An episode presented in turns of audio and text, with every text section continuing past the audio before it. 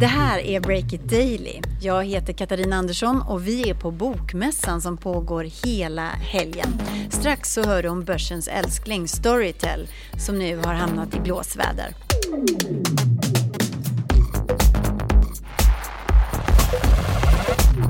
Det är fredag den 28 september. Idag är dagen efter H&M's smått galna race på börsen.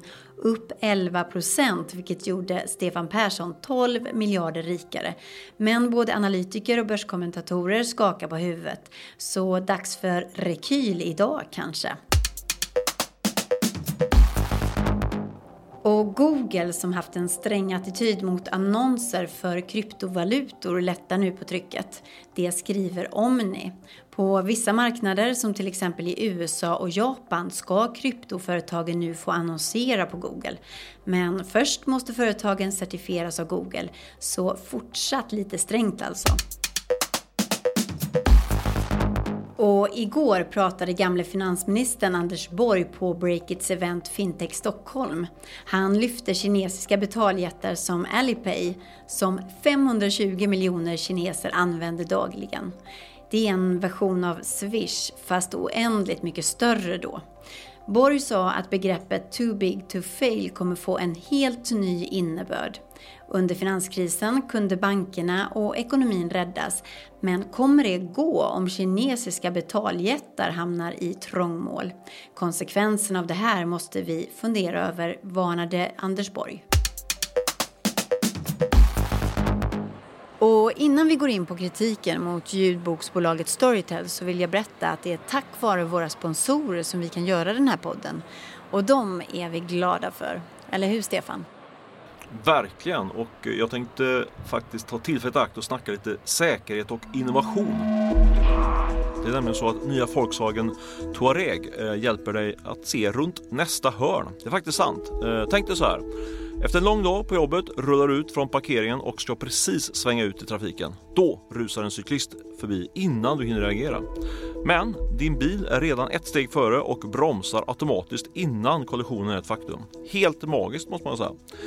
Den här eh, radarfunktionen från Volkswagen som heter Cross Traffic Assists. Jag är lite dålig på engelska men det är ungefär så man uttalar det. Eh, den upptäcker faktiskt den korsande trafiken redan innan föraren hunnit reagera. Och det är bara en av de tekniska lösningar i nya Volkswagen Touareg som gör dig och medtrafikanterna säkrare än någonsin förut.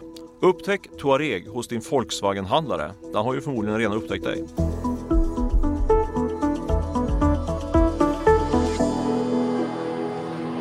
Ja, vi är alltså på Bokmässan idag. Och här bland nytryckta pappersböcker och skinande försättsblad är tech och streaming en stor snackis. Stefan Lundell, grundare till Breakit. Ja, man får faktiskt säga att det är väl främsta orsaken till att jag är här på Bokmässan. Förutom att jag faktiskt gillar väldigt mycket vanliga tryckta böcker. Det är att eh, Storytel, som är den stora snackisen här på eh, Bokmässan, eh, det är ett av de hetaste bolagen i tech-Sverige nu också och på börsen. De har ju gått som en raket på börsen och värderat till över 6 miljarder kronor och plockade in en halv miljard här för två veckor sedan. Så jag tänkte att nej, vi måste ner och spana lite grann på, på Storytel här på Bokmässan. Jag hörde VDn Jonas Tillander i en panel i morse och då berättade han att vi svenskar tillsammans eh, lyssnar på 100 miljoner ljudbokstimmar i år och att ljudboken går som bäst just i Sverige, alltså till och med bättre än i USA. Och såklart ville du intervjua honom då, Jonas Tillander, Stefan, men då blev det lite dålig stämning. Ja, eh, lite eh, otippat faktiskt får man säga. Eh, men det är ju så att Storytel och Jonas Tillander då har hamnat lite grann i blåsvärde, i, i alla fall internt i, i den svenska bokbranschen. Det var ju branschorganet då, Svensk Bokhandel som avslöjat att eh, jätten Bonnier har ett specialavtal med Storytel. Och det där har ju vållat en hel del eh, irritation och kritik då från de andra förlagen som har fått ett sämre avtal jämfört med, med eh, den stora jätten Bonnier. Och eh, jag hann ju snacka med lite folk innan jag träffade Jonas här på, på lunchen på, på torsdagen och eh, bilden jag fick faktiskt när jag pratade med Eh, olika förlagspersoner var att de var ganska så, eh, ja, nästan förbannade får man säga på, på det här att, eh, att de, de fick ett mycket sämre avtal då jämfört med Bonnier. En av dem jag pratade med övervägde till och med att anmäla det här till Konkurrensverket. Så ja, det var därför som eh, stämningen blev sådär då när jag ställde den här, började, började pressa Jonas på, på den här, det här segmentet då. Ja, du frågade honom om det här och då lät det så här. Kan du bara berätta, och bjuda på det? Liksom, vad, vad, är det som är, vad är, vad är, det, vad är det man tvistar om liksom? Alla vill ju ha den bästa dealen för dem själv och, eh, och där har vi ju olika avtal med olika förlag. Så det är en förhandling i varje enskilt fall, precis som att det är en förhandling mellan ett förlag och en författare i varje enskilt fall. Precis som att det är en förhandling mellan en arbetsgivare och en arbetstagare.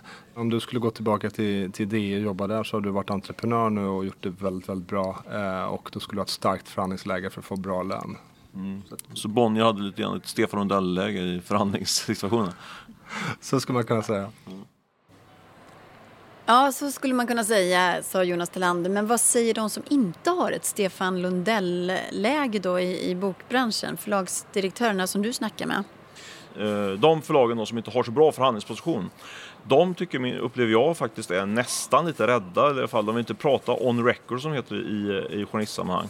Och eh, det, det befästs av att Storytel och eh, Jonas Tillander har en väldigt stark position på den svenska marknaden. Ja, du frågade honom om de här oroliga förläggarna som du hade snackat med och då lät det så här. Nervösa och oroliga. Och jag pratar med flera, de, de vill inte framträda med namn när de framför de här synpunkterna. Alltså, hur känner, du, du är en mäktig person, är folk rädda för dig? Det hoppas och tror jag verkligen inte. Jag tycker vi har genom, sen Storytel start så har vi haft en extremt schysst sätt att hantera alla förlag som säljer böcker genom Storytel. Har Jonas Tillander rätt i det? Att de är schyssta på Storytel? Ja, det får bli ett politikersvar, både ja och nej.